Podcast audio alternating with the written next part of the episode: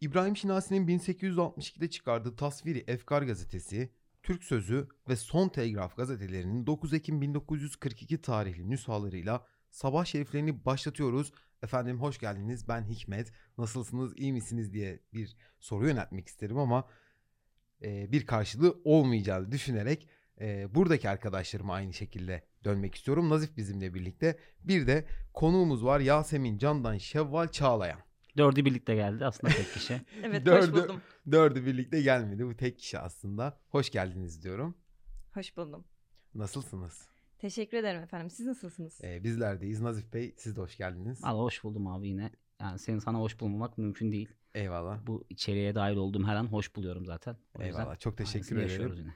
Ee, Yasemin Candan Şevval Çağlayan hani bu ilkokula çok büyük zorluk çekmişsindir diye düşünüyorum. Yani bu ilk defa benim bulduğum bir tespit değildir. Ama öyle değil mi? Yani bunu yazmak. Genelde ben bu tepkiyi aldığımda cevabım hayır oluyor ve insanlar şaşırıyor. Allah Allah. Çünkü bugüne kadar özellikle sınavlar için soruyorlardı.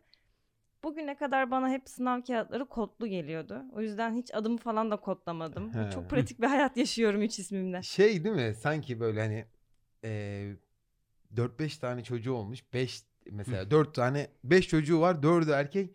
Bütün isimleri son kıza ayırmış gibi olmuş. Bende de şöyle bir izlenim bırakıyor Yasemin'in ismi. Şöyle kimsenin gönlü kırılmamış. Dede Yasemin koymak istemiş. Baba şunu koymak istemiş. Anne şunu koymak istemiş gibi bir izlenim bırakıyor ama Şimdi bilemem. ben de orada bir anekdot düşün. Benim de e, eşimin en küçük kız kardeşi öyle mesela. Zeynep Yusra Ebrar Parlak. Ay maşallah. Yani o da öyle. Halbuki işte dördüncü kız.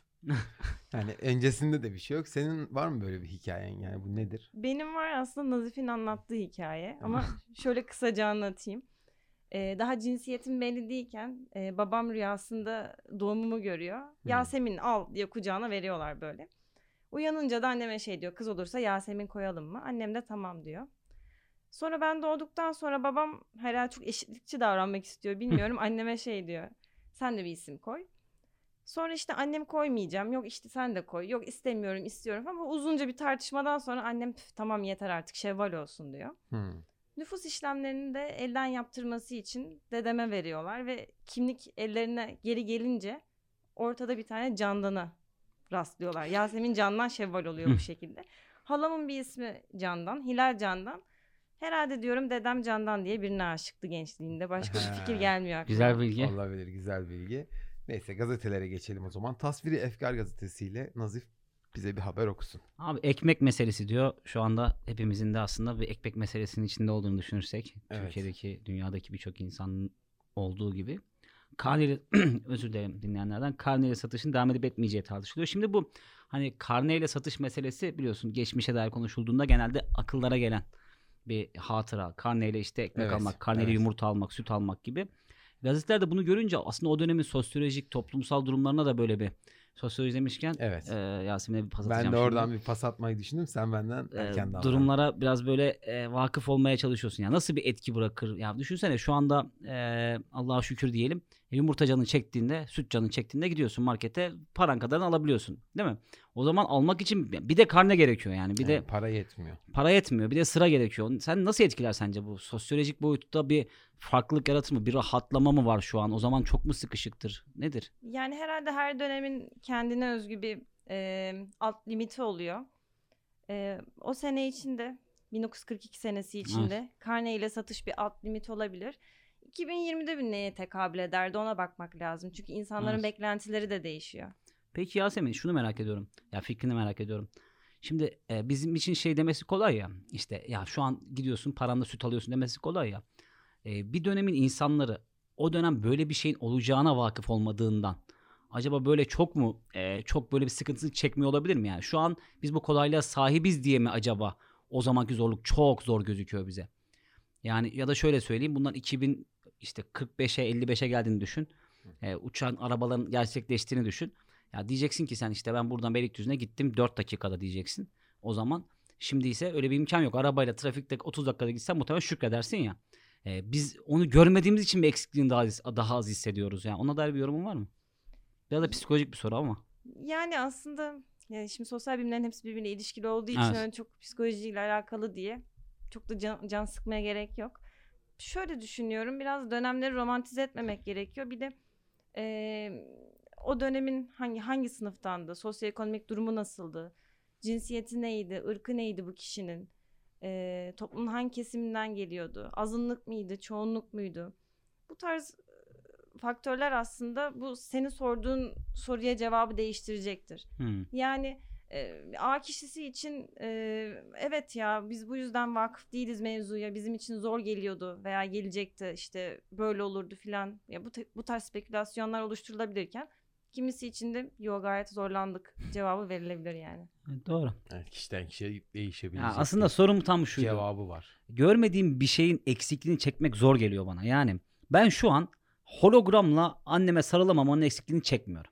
Tamam mı? Ama bunu bilseydim, bunu bir kere yaşamış olsaydım e, şu an annemi özlediğimde ilk olarak bunu aklıma gelirdi gibi hissediyorum. Bu sizce doğru mu? Onu merak ediyorum fikirleriniz. Yani evet bence e, bir alışkanlık e, hayatında senin için önemli olan bir şeyin eksikliğini muhakkak hissedersin yani. Eğer senin hayatında gerçekten yer edinilen bir şeyse bu onun yokluğun anında hissedersin. Yani bunu en ufak bir şeyden mesela çok sevdiğin bir kalemini kaybettiğin Evet. zaman bile böyledir yani ki sen büyük bir şeyin örneğini veriyorsun. Ee, öyle bir teknolojiye sahip ol mesela şu- bunun gibi bir şey, şunun gibi bir şey. Ee, şu an cep telefonlarının yeryüzünden tamamen kaldırılması Evet. nasıl etkiler mesela seni?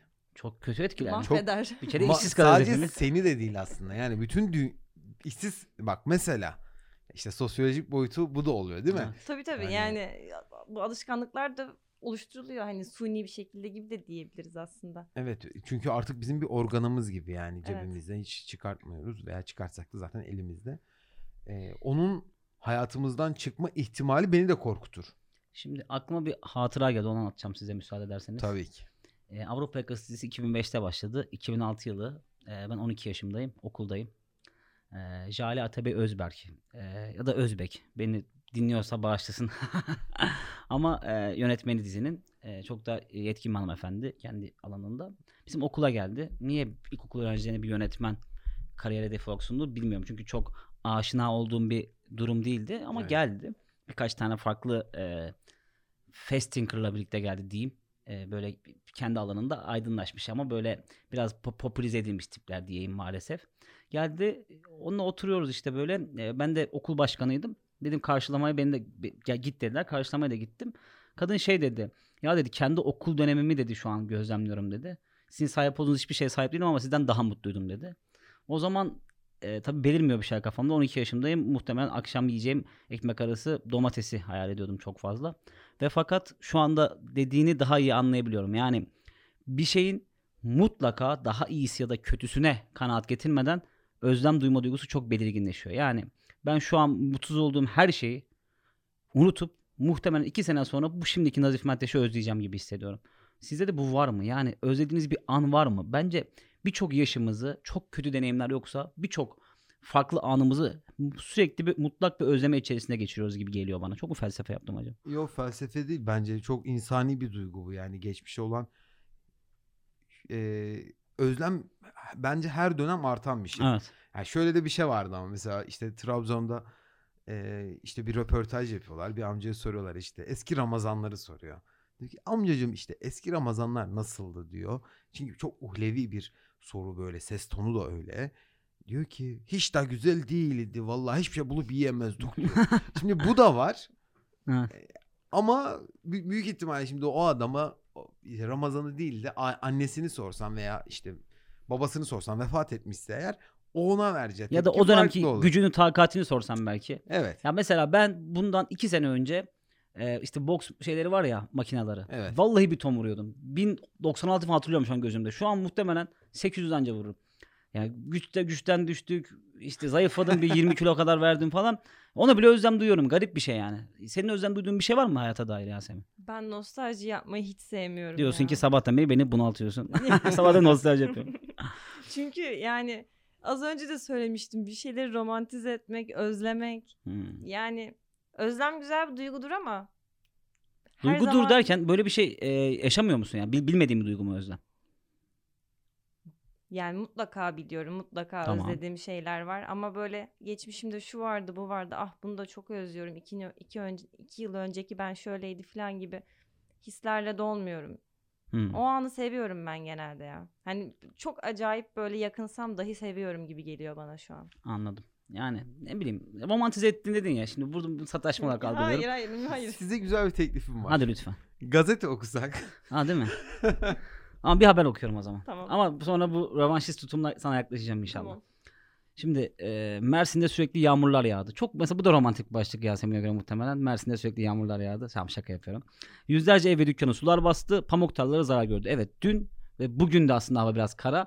Ama dün yağmuru gördük. Çok dolu beklentisi vardı. Evet. İşte arabaları örtülerle Arabalar. kaplayan arkadaşlarım vardı. Kartonlarla dışarı koşan arkadaşlarımı Bana gördüm. taş geldi şu an. Ben ise ne yaptım? Hiç riske girmeyip arabasız metrobüsümle geldim. Hiç sıkıntıya girmedim. Evet. e, biz de kendi çapımızla önlemimizi aldık. Bu arada kartonlar tuttu mu şeyi? Taş koyduk üstüne. Ciddi misin? Evet tutturduk yani. İyiymiş abi. Tabii büyük ihtimalle işte doludan almayacağımız zararı inşallah taştan Taştan al. almamışızdır. Bilmiyorum. İyiymiş. Yasemin hadi bir haber seç oku. Lütfen. Hmm.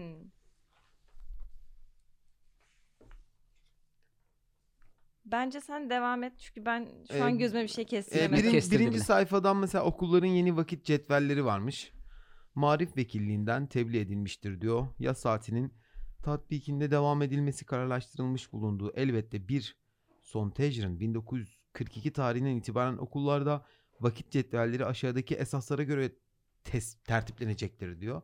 Ee, okuldaki vakit cetvellerinin değişiminden bahsedilmiş. Bunu da Marif Vekilliği tebliğ etmiş. Bu da gazetenin birinci sayfasında yer almış. Çanakkale vapuru Çeşme civarında karaya oturmuş. Gemideki yolcular vapurdan çıkarılarak İzmir'e getirilmiş. Bundan bahsediyor. Ramazan münasebetiyle demiş Mareşal Petay'ın mevkuf arafları serbest bıraktı demiş. Ramazandan dolayı böyle bir şeyin e, olması da ba- bana biraz garip geldi. Yani Ramazan Evet. geldi. İşte Arapları serbest bırakalım. Mevkuf Arapları Arapları diyor Mareşal Petay'ın. Mevkuf ne demek? Mevkuf acaba tevkif edilmiş demek mi? Yani tutuklanmış. Mevkuf Ee, kökü tevkiften geliyor gibi. Değil mi? Mevkuf Yani büyük- tutuklu muhtemelen. Tutuklu. Büyük ihtimalle tutuklu. Yani zaten neyi serbest bırakabilir Tabii, ki? tabii. Yani büyük ihtimalle tutuklu bir e, kişiden bahsediliyor burada. E, yine ekmek meselesi vardı. Voronezh yanıyormuş Şark cephesinde.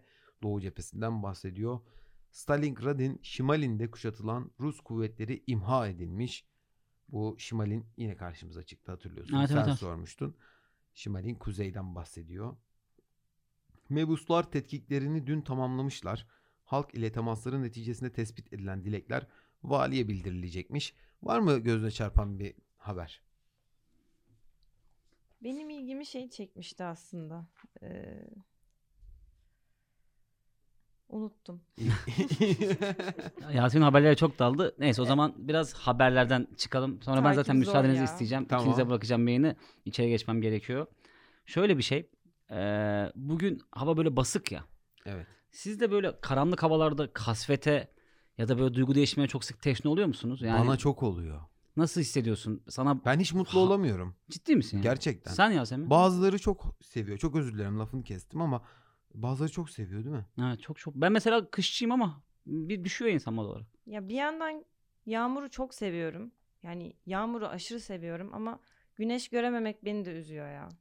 Ben şey gibi hissediyorum. Tam Anton Çehov'un bir sözü var ya ne kadar garip bir gün. Kendimi mi assam çay mı demlesem emin değilim diyor. Bazen böyle coşuyorsun. Çok radikal oldu. Evet yani böyle yağmur bana iyi hissettiriyor. Bazen böyle heyecanlandırıyor beni gördüğümde fakat e, belli bir yerden sonra özellikle iş yoğunluğu falan atınca Allah'ım kasavet başladı gidiyorum yere doğru çömeliyorum falan gibi hissediyorum. Ama işin özeti yağmur yağmasını seviyorum. ya Böyle dışarıdan bir etkinin görülebilecek bir şey yaratması ve bunun bedava ulaşması güç olmayan bir şey olması beni çok etkiliyor. Yağmuru ben böyle bir lütuf olarak görmeye başlayalı çok oldu. Yağmurdan etkileniyorum, mutlu oluyorum. İçinde mesela yağmur geçen bir şarkı varsa beni direkt alır. Ondan sonra yağmurlu filmlerin açılış sahnelerini severim.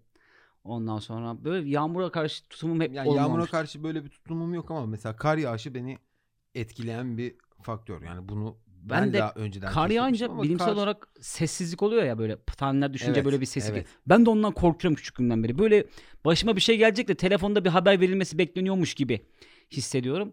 Böyle garip bir psikoloji. Evet ben Bunun bugün biraz sosyolojik tarafı nedir her şeyi tek tek söylüyorum. Veya psikolojik tarafı. Yani Nazif yağmura bakma diyecek şimdi. Yok kar Kafana mesela. takma bunu. bence Büyük buradan ihtimalle- Nazif'in romantik bir insan olduğunu anlıyoruz. Bana öyle geliyor. Ben şöyle anladım. Sanki kar yağarken bir kötü haber almış çocukluğunda. Ha, Freudian bir şey. Olabilir. Bilemiyorum. Olabilir mi? Olabilir ama hatırlamıyorum. Sadece şunu hatırlıyorum. Sonra da gideceğim. Rahmetli anneannem nurlar içinde yatsın inşallah. Mekan cennet olsun. İnşallah. Amin. Ee, küçükken biz çatımıza çok kar yağardı. e, apartmanın çatısına. E, biz aşağı yukarı çıkardık. Ben küçüktüm. E, şu anda çok uzun boy olduğumu söylemez ama iyice küçüktüm yani. Kafamdan göremiyorum şeyi dışarıyı. E, kürekle dışarı kar atardık. Yani anneannem böyle bir şey böyle bir duruma teşne oldu. Nedenini bilmiyorum. Yani muhtemelen yük yapmasın apart şeyin binasının binanın üstünde diye. Köyden kalma bir alışkanlık yani. Ama yıkılır tadınlar. Halbuki Evet. bina yani. Neyse onu atardık. Böyle böyle parça parça yağmış bir süre birikmiş şeyi sen bir faraş darbesi dışarı atıyordun. Bu bende çok böyle ben mi acaba sorunlu bir çocuktum bilmiyorum. Bu beni çok incitirdi yani. Ya yağmış, birikmiş, zaman harcamış. Ne yaptın attın bir dakikada kürekle.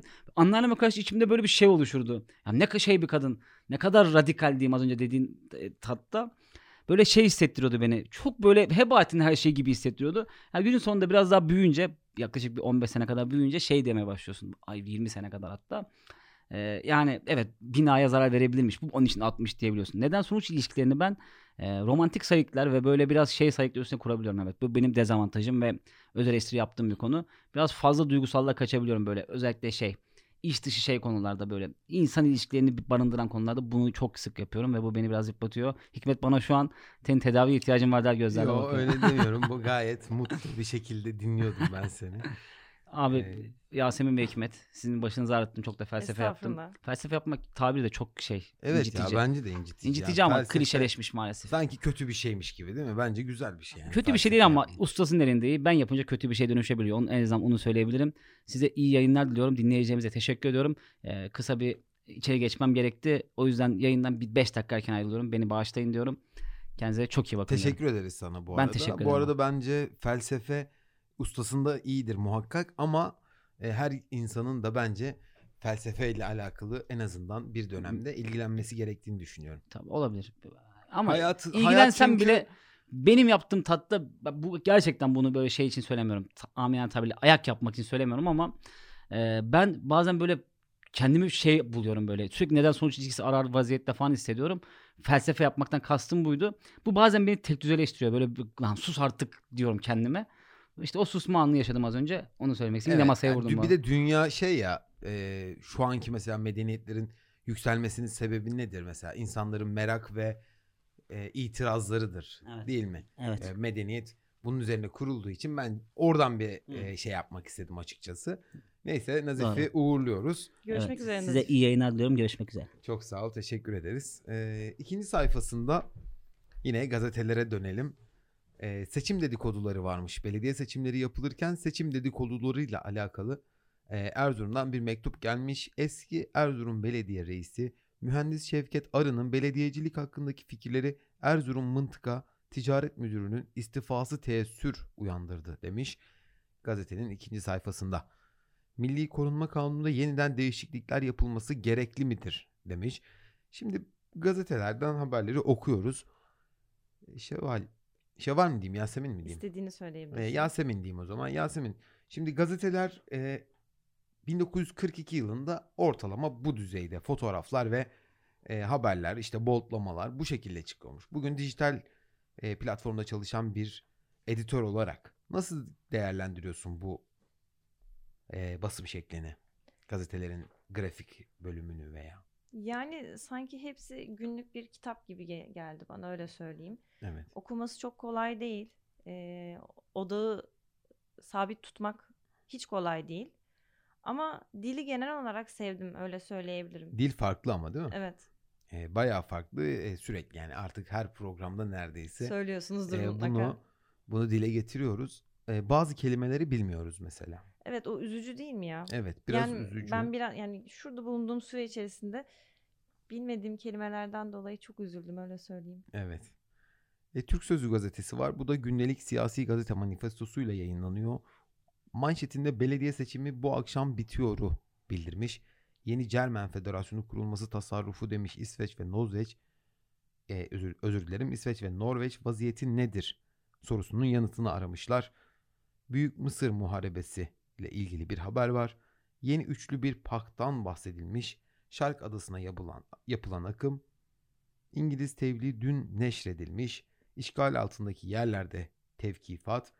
Müttefikler bütün cephelerde derhal hücuma geçmelidirler demiş.